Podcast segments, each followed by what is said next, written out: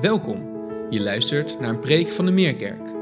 We hopen dat je door deze preek geraakt mag worden door de liefde van Jezus.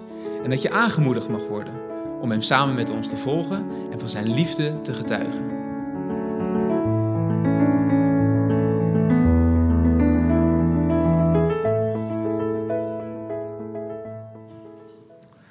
Goedemorgen. Goed om elkaar weer te zien. En wat een prachtig verhaal van Ari. Je kunt met minder veel meer hebben. Nou, ik heb dit verhaal al heel vaak gezien, gehoord, omdat ik betrokken ben bij de beta-cursus. Daarom moest ik er ook aan denken vanochtend, als we nadenken over geld. En waarom zegt Ari dan dat je met minder geld eigenlijk veel meer kan hebben? Dat was ook het jaarthema waarin dit, deze video was opgenomen. Dat jaar, dat seizoen, dat was ook uh, het thema minder is meer. Nou, dat principe dat geldt ook voor vanochtend.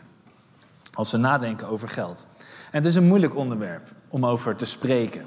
We houden er eigenlijk niet zo van om daarover te praten. Het is toch uiteindelijk iets persoonlijks. En dan moet iemand op een podium, in dit geval ik, jou gaan vertellen wat jij moet gaan doen met je geld. Ja, dat, daar houden we niet zo van. Zeker niet in de setting van een kerk, waar we ook heel veel voorbeelden hebben, helaas, dat het misgaat eh, op financieel vlak. En dat er nou, gemanipuleerd wordt om mensen meer te laten geven dan ze eigenlijk zouden willen geven. Um, nou, we kennen de verhalen, ik hoef daar niet over uit te wijden. Maar dat maakt dat we voorzichtig zijn in het spreken over geld, ook in de kerk. En toch toch is het goed om te doen. Waar het niet een onderwerp is wat ik zelf, als, je het aan mij zou vragen, een onderwerp zou zijn wat ik heel graag zou kiezen. Van nou, daar wil ik echt een keer over preken.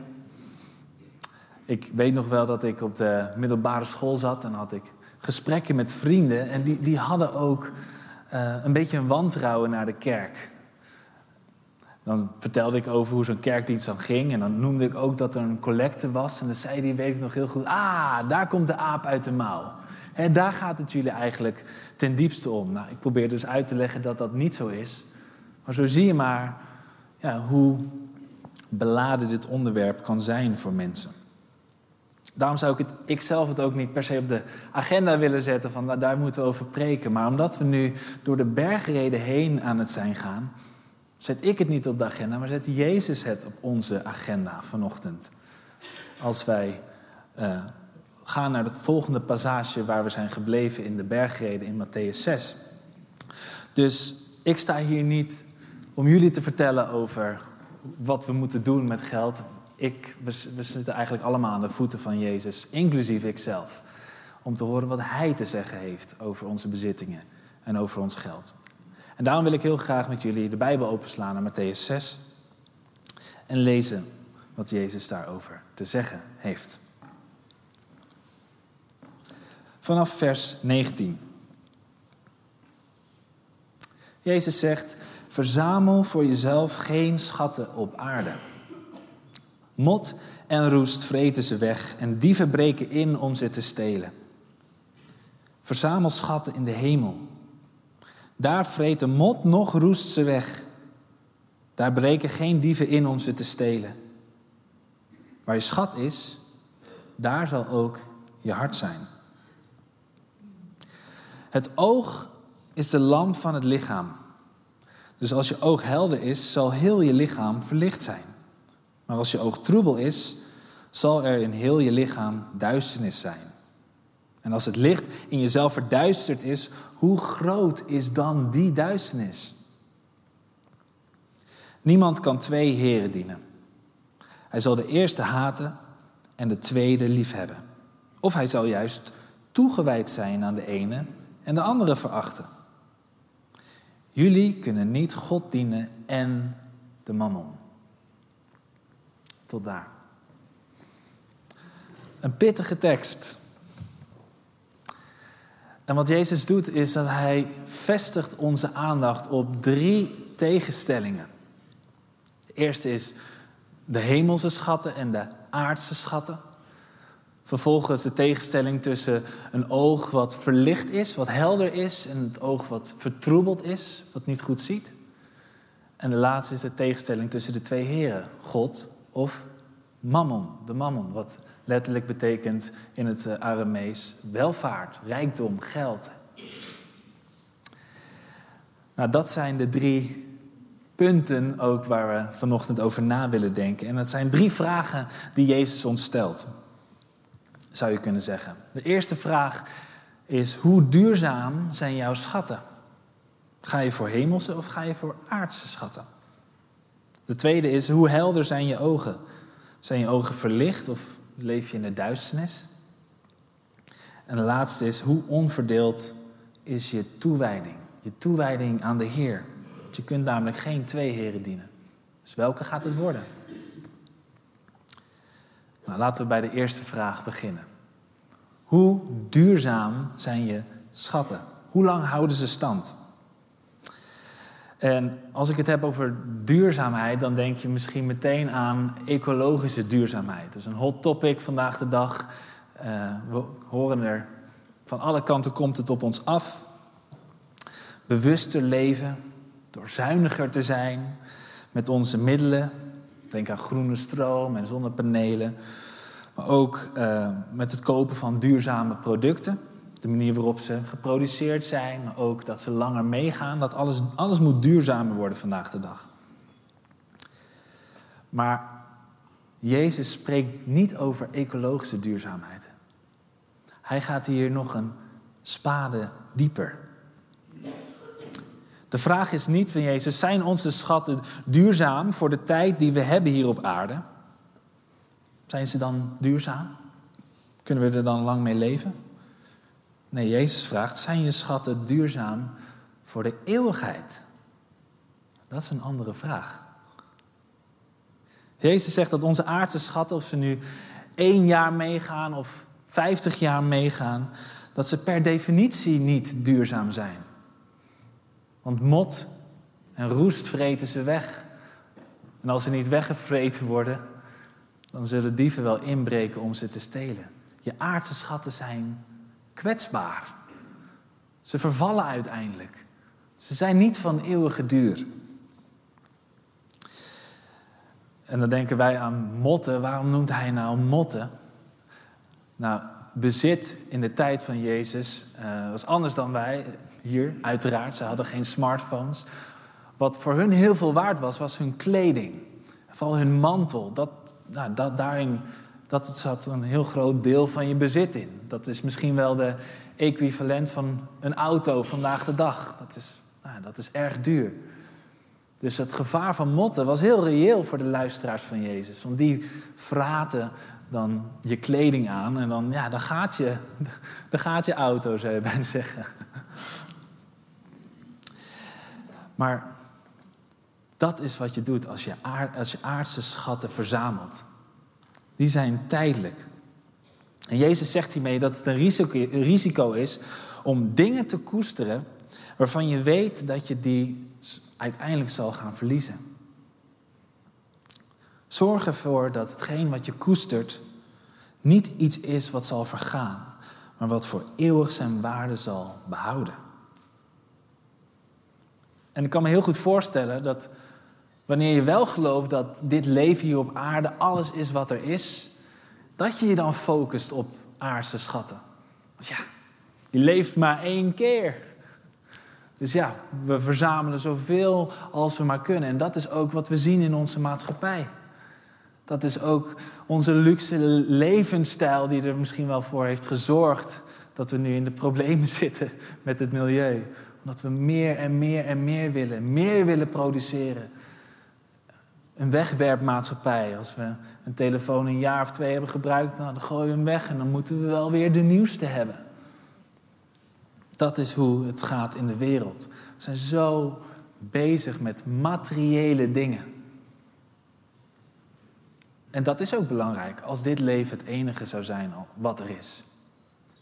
Maar Jezus, Jezus zegt, Focus je nou niet op die aardse schatten. Focus je op de hemelse schatten, de dingen die van eeuwigheidswaarde zijn. die waarde hebben tot in eeuwigheid. En alles wat eeuwigheidswaarde heeft, dat is allemaal niet zo spannend en niet zo sexy in de wereld. Dat, dat verkoopt niet, daar gaat ons hart eigenlijk niet naar uit. Maar andere dingen gaan belangrijker worden als je je ogen geopend worden en als je ziet van, ho eens even, dit leven is niet alles wat er is. Ik ga leven voor eeuwig. Wat is er dan belangrijk in de eeuwigheid? Mijn geld, mijn auto, mijn spullen, mijn smartphone? Nee. Die dingen die zullen vergaan. Wat zijn nou de dingen die niet zullen vergaan? Als je zo gaat denken, dan ben je gericht op hemelse schatten. Dan ben je gericht op wat boven in de hemel belangrijk zal zijn. Dan zal je misschien wel tot die gekke conclusie komen van Ari. Die zegt joh, het geld werd van me afgenomen en het was eigenlijk een zegen. Want ik werd niet meer, ik was niet helemaal, zat niet helemaal vast aan mijn materiële eigendom, vast aan mijn aardse schatten. Ach, ik werd ervan bevrijd. En dan kom ik nu helemaal vrij richten op wat belangrijk is, wat ten diepste belangrijk is voor de eeuwigheid. Dan is iedere cent die je weggeeft aan iemand anders, in plaats van weggeeft of uitgeeft voor jezelf, dat, dat, die deponeer je eigenlijk in de bank van de hemel. Zeg van, joh, die spaar ik daar in de hemel. Die geef ik weg. Die hou ik niet voor mezelf. Zo kan ook niet alleen ons geld, maar ook alles wat we hebben, onze tijd, de dingen die we zeggen. Zo kan ieder woord die we uitspreken, wat opbouwend is voor de ander, wat gericht is op die ander, op andere mensen, om andere mensen te helpen en te zegenen. Ja,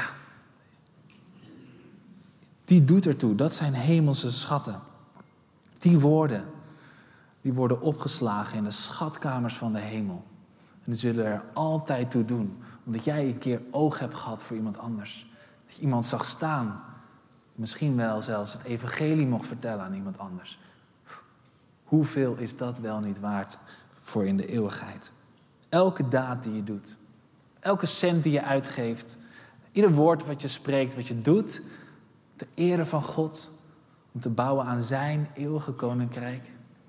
Ja, dat zijn de hemelse schatten waarvan Jezus zegt, focus je daar nou op. Richt je daar op. Als ik dit zo zeg, dan is de valkuil om dit te interpreteren van hemelse schatten, daar gaat het om. Dus aardse schatten zijn per definitie slecht. Zijn per definitie fout. Dat mag niet. Dat is een valkuil. Want het gaat er niet om dat de hemelse, eh, de aardse schatten per definitie slecht zijn. Het gaat erom dat ze ondergeschikt zijn aan de hemelse schatten. Ze doen er uiteindelijk niet echt toe. Maar dat betekent niet dat, we, dat ze slecht zijn per definitie in zichzelf. Ze worden pas een gevaar als ze belangrijker gaan worden dan wat in de hemel belangrijk is. In de Bijbel zijn tal van voorbeelden van mensen die rijk zijn. Denk aan Abraham. Er wordt expliciet bij genoemd dat hij veel vee had. Veel zilver en veel goud. En ook is het niet slecht om aardse schatten per se te sparen. Het kan ook gewoon heel wijs zijn. Goed rentmeesterschap. Denk aan het verhaal van Jozef, die raad geeft aan de vader over. Je moet die voorraadschuren vullen met graan, want straks komt er een tijd aan van hongersnood.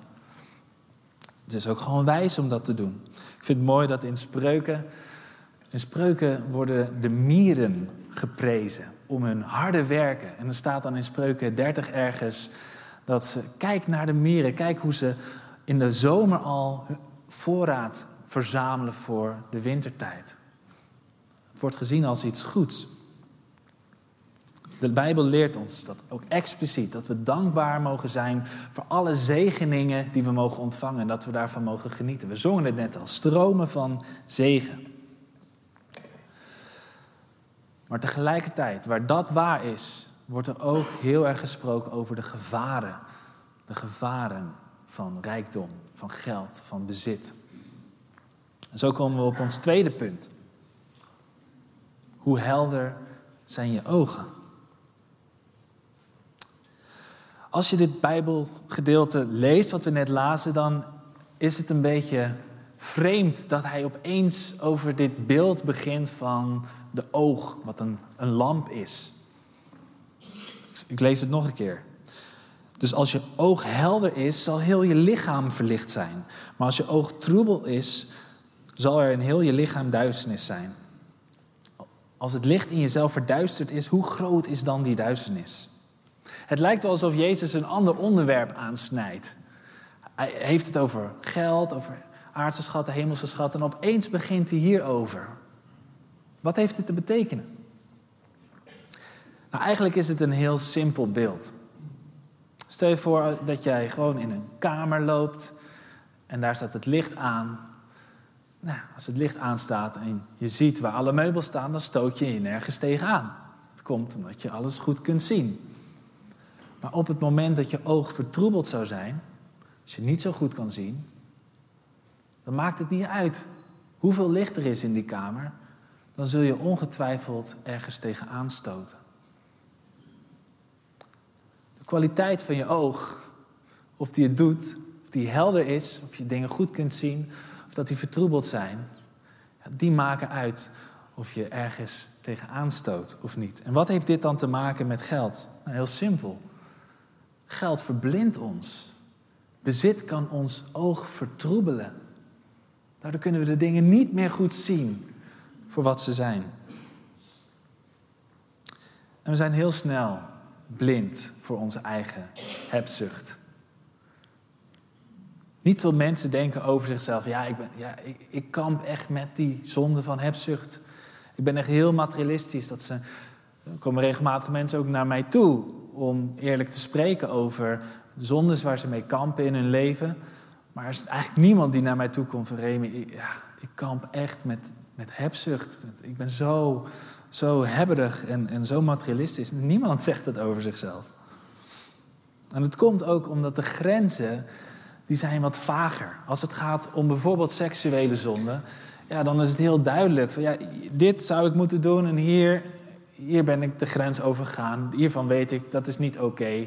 Ik heb gezondigd, ik ben de fout in gegaan. Maar bij, bij bezit, bij geld, zijn die, zijn die grenzen niet zo duidelijk. Dat is allemaal veel subtieler. En dat is denk ik ook de reden dat Jezus veel meer spreekt over de gevaren van hebzucht dan over bijvoorbeeld de gevaren van seksuele zondes. Sterker nog, in Lucas 12 zegt hij het nog veel sterker dan hier zo in Matthäus. Dan zegt hij, pas op, hoed je voor iedere vorm van hebzucht. Deze sterke uitspraak van pas op, die gebruikt hij niet vaak. Maar die gebruikt hij nu dus wel bij hebzucht. Waarom? Omdat we er blind voor zijn bij onszelf. En de reden, denk ik, dat dat zo is, is omdat we onszelf vergelijken met elkaar. We zien eigenlijk niet hoe rijk we zijn, omdat we allemaal rijk zijn. Ik heb een smartphone, maar iedereen heeft een smartphone. Ik heb dure schoenen, ja, maar iedereen heeft dure schoenen. We vergelijken onszelf met andere mensen die ongeveer evenveel verdienen als wij. En als we dan iemand tegenkomen die net een beetje meer verdient dan wij, ja, dan worden we er onrustig van. En dan hebben we het gevoel van, zie je wel, ik heb helemaal niet zoveel. Want hij heeft, hij heeft een veel duurdere telefoon. Of hij heeft een veel groter huis. Of hij heeft een mooiere auto. Dat vergelijken, dat voedt eerder een bepaalde onrust. Een bepaalde onrust dat je niet genoeg hebt, want anderen hebben meer dan jij. En is het dus zelf wel eens opgevallen dat je je uitgaven, die, die, die stem je helemaal af op je, hoeveel je binnenkrijgt, op je inkomen. Dus als je een salarisverhoging zou krijgen, voor je het weet ben je weer gewend aan een iets luxere levensstijl. Die twee die groeien met elkaar mee. Het is niet dat je voor jezelf bepaalt, dit heb ik nodig, ik moet eten, ik moet drinken en een paar basisbehoeftes. En dat kost zoveel geld en voor de rest kan ik alles weggeven. Nee, we groeien mee. Groter huis, duurdere auto. We zijn blind als het gaat over hoe rijk we zijn. En die blindheid die uit zich anders per persoon. We kennen allemaal die persoon die heel gericht is op geld, die er heel gestructureerd mee omgaat. die de beste deal altijd overal regelt. En die heel wijs omgaat met zijn geld. En die kan de valkuil hebben om een beetje krenterig te zijn of een beetje gierig te zijn. Maar het is wel een goede rentmeester en gaat goed met zijn geld om. Daar is natuurlijk niks mis mee om goed met je geld om te gaan. Sterker nog, dat is iets heel goeds. Maar wanneer het geld dan je zekerheid gaat worden, van ja, ik moet wel een, een buffer hebben van minimaal dit, want als ik dat niet heb, dan, dan heeft het toch meer grip op je leven dan je eigenlijk zou willen toegeven. De andere vuilkuil, waar ik misschien zelf onder val, is dat je heel onverschillig doet over geld. Dat joh, maakt allemaal niet uit en ik geef het makkelijk weg en het is allemaal niet zo belangrijk. En, op eerste gezicht lijkt dat iets heel goed. Van kijk, kijk hoe vrijgevig die persoon is. Er zijn soms mensen die dat ook wel over mij zeggen. Maar eigenlijk ben ik te laconiek. En daardoor misschien ook zelfs wel onverantwoord met geld. Dat is ook niet goed. En als je het me zou vragen, van, joh, ben je nou echt vrijgevig? Of geef je gewoon vanuit overvloed? Maakt het je niet uit omdat je toch wel alles hebt wat je hartje begeert? Ik ben opgegroeid als, uh, als de zoon van een drogist. Drogist in Nieuw-Vennep bij Splinter. En wij hadden ook een parfumerie. En daar verkochten we heel veel parfum. Uh, en hadden we dus ook van die testers achter liggen. Nou, ik stond bekend bij mijn vrienden voor... je moet bij Remy zijn als je gratis parfum wil hebben. ik gaf het weg. En die dacht, oh, die Remy is zo vrijgevig. Ja, maar ik gaf vanuit mijn overvloed. Het kostte me niks. Het was van de winkel, die leed eronder, maar ik niet. Ik kreeg alleen maar meer vrienden en meer aanzien.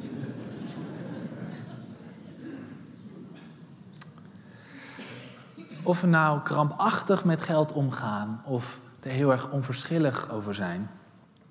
We vragen ons altijd af, hoeveel kunnen we uitgeven? Hoeveel kunnen we uitgeven zonder dat we te materialistisch zijn? Wat is daar de grens? Dat, wat kunnen we maximaal uitgeven, ook als christen zijnde? Maar misschien moeten we de vraag omdraaien. Hoeveel kan ik weggeven? Hoeveel kan ik maximaal weggeven zonder dat ik op straat hoef te leven? Hoeveel ben ik bereid afstand te doen van mijn bezit en mijn geld? Waar mag het iets van mij kosten? Dat is de test waar de blinde vlek van onze hebzucht ja, uiteindelijk getoond zal worden. Waar je troebele blik verhelderd zal worden als je afvraagt van hoeveel ben ik bereid om weg te geven. En ik las een quote die mij echt door mijn hart sneed van C.S. Lewis, die de volgende confronterende regel hanteert als het gaat om weggeven. Je kan meelezen op het scherm. Hij zegt: Hoeveel je moet geven valt, geloof ik, niet te bepalen. Ik vrees dat de enige veilige regel is dat je meer geeft dan je kunt missen. Met andere woorden, wanneer je uitgaven aan luxe, comfort, amusement en dergelijke op het gebruikelijke niveau liggen van mensen met jouw soort inkomen, dan geef je waarschijnlijk te weinig weg. Kunnen we het geld voor goede doelen zonder een centje pijn missen?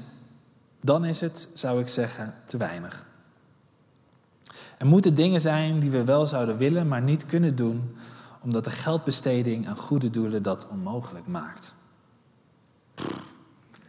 Dit, dit raakt de pijnlijke snaar. Dit toont ons de blinde vlek van onze hebzucht. En ben je bereid om eerlijk in de spiegel te kijken en te zeggen van, hm, waar besteed ik mijn geld aan? Durf het elkaar te bevragen. Hoe persoonlijk het ook is. Zijn er dingen die je koopt die je eigenlijk niet nodig hebt? Hoeveel geef je weg? Mag het je ook iets kosten? Confronterende en moeilijke vragen. En dit is niet omdat God uit is op je geld. God is uit op je hart. Hij is niet uit op je geld. Hij is rijk genoeg. Hij is uit op je hart. Hij ziet dat je een andere Heer dient dan Hij. Dat iets anders belangrijker is dan Hij. Zo komen we op het laatste punt, de laatste vraag. Hoe onverdeeld is jouw toewijding? Je moet kiezen van Jezus. Wij willen liefst van twee walletjes eten. Ah, dat kan toch wel samen. God zegt nee. Want voor je het weet ben je verknocht aan je aardse bezittingen en raakt de hemel buiten beeld. Dat is de valkuil waar Jezus ons voor wil behoeden. Nou, ik zei het al. Die twee heren die hij noemt, de mammon, is Aramees voor, wat letterlijk betekent welvaart, of materiële, materiële rijkdom of geld. En hij personifieert het. Dus hij geeft het een gezicht. Hij zegt dat geld dat is als een, als een heer. En die staat ten opzichte van God als je heer. En je kan niet twee heren dienen. Je moet kiezen. Of je bouwt je eigen koninkrijkje, waar jij de koning bent. Of je onderwerpt je aan Jezus als zijn koning, als jouw koning. En zijn koninkrijk. Welke gaat het worden? Die twee kunnen niet samen. Aan wie ben je toegewijd? Waar ligt je hart? Hoe wij erachter kunnen komen waar ons hart ligt, dat is als we lezen in vers 21. Waar je schat is, daar zal ook je hart zijn. Je zou het het follow the money principe kunnen noemen. Volg het geld. Waar besteed jij heel makkelijk heel veel geld aan? Volg dat pad, traceer het net als Google Maps en zie uiteindelijk waar het uitkomt. En misschien zegt dat wel iets over waar jouw hart ligt. Waar geef jij heel makkelijk veel geld aan uit? Als je bijvoorbeeld een kind zou hebben die helemaal gek is van voetbal, laten we zeggen Ajax of Feyenoord, welke je ook kiest. En ja, je gaat toch maar een keer mee naar zo'n wedstrijd, maar man, wat is dat duur, zo'n ticket. Terwijl als je zelf even grote fan of misschien wel grotere fan bent, ja, dan maakt het niet uit. Joh, dan, dan voel je dit niet eens. Natuurlijk is dat het waard om 100 euro om op de eerste rij te kunnen zitten van je favoriete voetbalclub. Dat is het. Als je hart er ligt, dan voelt het eigenlijk bijna niet als geld weggeven. Omdat je hart ligt er, je passie ligt er. Als ik voor mezelf spreek, geef ik heel makkelijk geld uit aan boeken. Ik hou van boeken. Ik heb er veel te veel en ik kan ze al lang niet allemaal lezen. Maar op een of andere manier, als het, als het daarom gaat, denk ik van ja, dat heb ik nodig. Dat wil ik. Daar gaat mijn hart naar uit. En als ik dan terugtraceer naar mijn hart, zeg waarom dan? Waarom vind jij boeken zo belangrijk, zo leuk? Ja, dan moet ik in de spiegel kijken. Moet ik misschien wel eerlijk toegeven dat ik uh, een stuk van mijn identiteit daarop bouw. Dat ik het belangrijk vind dat mensen mij intelligent vinden of dat ik een bepaalde intellectualiteit heb. Is dat dan de Heer die je wilt dienen, Remy? Follow the money. Waar komt het bij jou uit? Waar ligt jouw hart dan? En is dat de Heer die jij dient? Ik kan je wel vertellen dat als je uitkomt bij de mammon, bij welvaart, bij hebzucht, bij aardse schatten. Uiteindelijk is dat de meest genadeloze Heer die je kunt hebben. Waarom? Omdat het nooit genoeg zal zijn. Hoeveel je ook toegewijd bent aan die Heer, hoeveel je die Heer ook geeft, je geeft hem één vinger, hij pakt je hele hand. Het is nooit genoeg. Uiteindelijk zul je leeg achterblijven. Wat het ook is voor jou. Misschien is het wel schoonheid en mooi uit willen zien. Maar als jij schoonheid en schoonheidsidealen aanbidt, dan zul je je uiteindelijk altijd lelijk voelen. En is ouder worden vreselijk. Is dat sterven. Wanneer je macht aanbidt, zul je uiteindelijk met een zwak en een bang gevoel achterblijven. Hoe meer je het vast probeert te pakken, hoe meer het uit je handen glipt. En het enige wat je zult doen is meer macht na willen streven om die angstgevoelens te sussen. Wanneer je net zoals ik intellectualiteit aanbidt, dat je het belangrijk vindt dat mensen je slim vinden, dan zul je uiteindelijk dom gaan voelen bang om ieder moment door de man te vallen dat je eigenlijk misschien niet zo slim bent als dat je dacht. Welke Heer het ook is. De mammon is ongenadig. Maar God is de enige Heer die genadig voor je zal zijn. De enige Heer die niet meer, meer, meer, meer, meer van je zal vragen. Nee, dit is de Heer die zijn leven voor jou heeft gegeven. Het is precies omgedraaid bij Hem. Hij was rijk. Hij is omwille van jou arm geworden. Dat lezen we in 2 Korinthe 8, vers 9. Ten slotte kent u de liefde die onze Heer Jezus Christus heeft gegeven. Hij was rijk, maar is omwille van u arm geworden, opdat u door zijn armoede rijk zou worden. Rijk in Hem. God is niet uit op je geld. Hij is uit op je hart. Dat is de reden dat hij zijn rijkdom opgaf. Dat is de reden dat hij naar de aarde kwam om aan een kruis te sterven voor jou, om jou te winnen. Jij was zijn kostbare schat waar hij alles voor over had. Al zijn rijkdom, zijn gelijkheid aan God niet vastgehouden. Hij werd mens zoals wij en als mens verschenen ging hij de weg naar het kruis. Zoveel waard ben jij voor hem. En als je dat ziet, als je zijn liefde proeft en ervaart, als je erdoor geraakt wordt, dan kan je niet anders. Dan kan je niet anders dat Hij ook jouw kostbaarste schat gaat worden. Dat is het evangelie. Dat is hoe het evangelie je hart verandert. Niet, je mag, niet meer, eh, je mag daar geen geld uitgeven en je moet dit je moet dat. Nee, je wil het op een gegeven moment niet meer.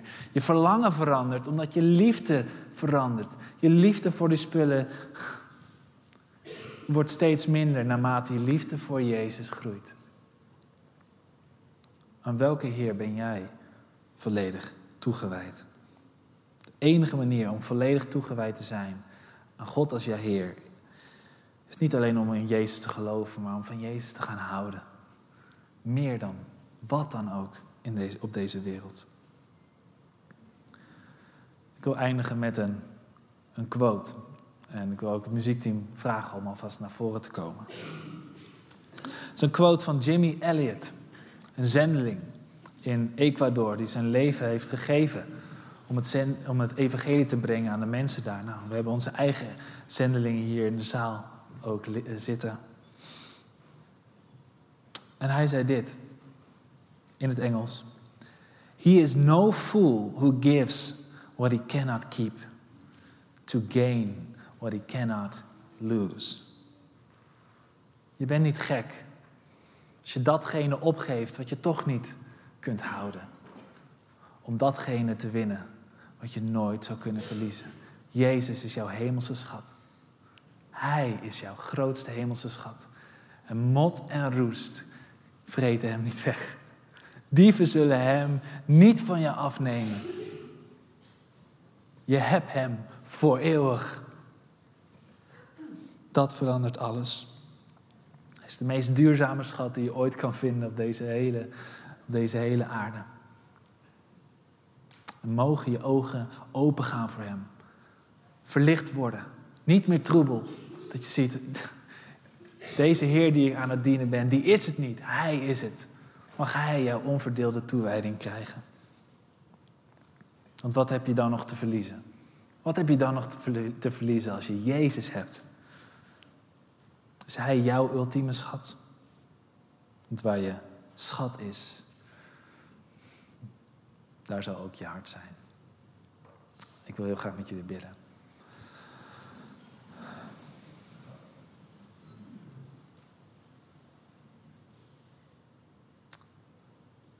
Heer, wat een wonder. Wat een wonder dat u, u die rijk was, bereid was om arm te worden. Omwille van ons. Wij hier die arm waren. We waren zo arm, we zijn zo arm. Als het enige wat er is in ons leven, dat dat aardse schatten zijn waar we ons aan vastklampen. O Heer, wat zijn we dan arm. Maar u wilde ons rijk maken. U wilde ons rijk maken met uzelf. We zongen het vorige week. De hemel gaf ons haar grootste schat. Uzelf, Jezus Christus. O Heer, dank u wel dat u die hemelse schat bent. die we nooit, die we nooit kunnen verliezen. Er is niets wat ons kan scheiden van de liefde van Jezus. Heer, en help ons, Heer, als we hierover nadenken, dat we dan eerlijk naar onszelf durven te kijken en in de spiegel kunnen kijken. Waar ligt ons hart? Waar, wat zijn de schatten die we koesteren? Openbaar het ons, Heer. Open ons de ogen ervoor. Wilt u dat doen in deze momenten van stilgebed?